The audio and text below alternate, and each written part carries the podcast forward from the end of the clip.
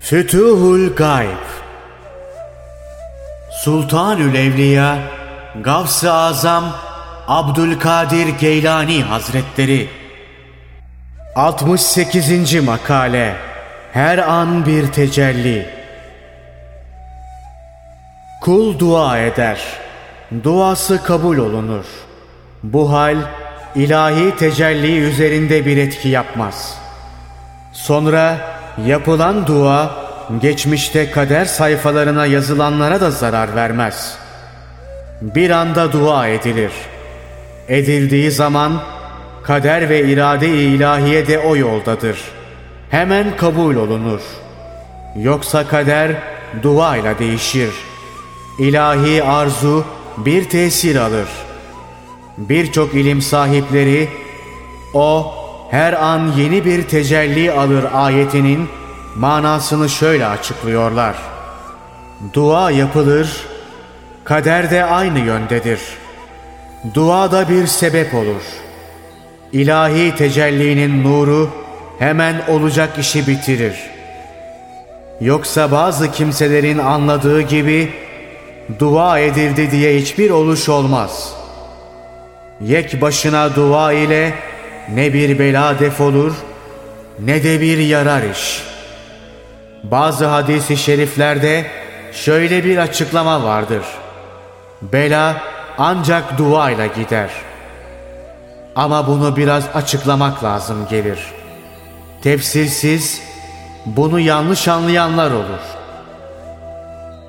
Bu hadisi şeriften murad belanın giderilmesi bazen duaya bağlıdır demektir. Yani dua yapılır, bela gider. Çünkü kader o yoldadır. Dua edilmedikçe bela defolmaz. Yukarıda belirtilen hadisi şerifin manasına gelen bir diğeri vardır. Kul ameliyle cennete giremez. Amelsiz cennete girer. Manasına gelmez. Cenneti Allah verir. Kulun ameline göre orada makam. Bunu daha çok tefsir eden bir hadisi şerif vardır.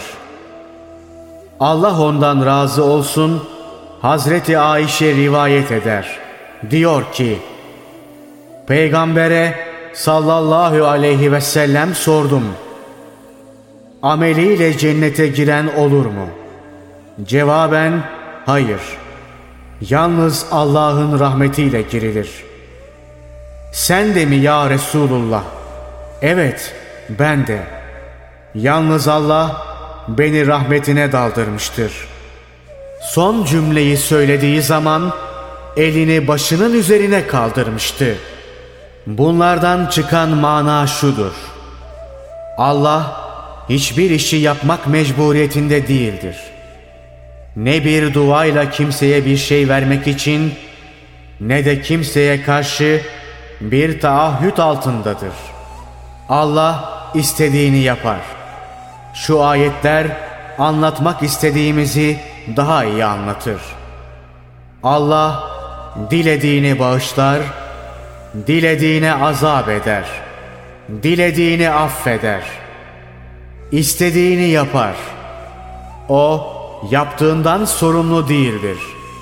Onlar hep hesap vereceklerdir. Allah dilediğine sayısız rızık verir. Yapılan işlerin hepsi bir hikmete mebnidir. Hikmeti olmayan hiçbir iş yoktur. Her şey ilahi adalet içinde devam etmektedir. İlahi adalet işleri böylece yürütmektedir. Bunların böyle olmamasına bir sebep yoktur. Çünkü semaların bitiminden yerlerin zeminine kadar bütün varlık onun elindedir ve onun tasarrufundadır. O bunlarda istediğini yapar. Zaten başka bir şey akla gelmez. Yeri ve göğü Allah'tan başka yaratan olmadığı gibi onları elinde bulundurup yönetecek kimse de yoktur. Bu manalara işaret eden şu ayeti kerimeler vardır. Allah'tan başka yaratıcı var mıdır? Allah'la beraber bir ilah var mıdır? Onun ismine bir eş biliyor musun? Sure-i Ali İmran'ın şu ayeti anlatmak istediğimizi size daha iyi açıklar. Ey Allah'ım! Varlık sahibisin. İstediğine mülk verirsin, istediğinden de alırsın. İstediğini refaha kavuşturur, istediğini süründürürsün. İyilik elindedir. Her şeye gücün yeter. Geceyi gündüze katar, gündüzü de geceye çevirirsin. Ölüden diri, diriden ölü yaratırsın. Arzu ettiğine sayısız rızık verirsin.''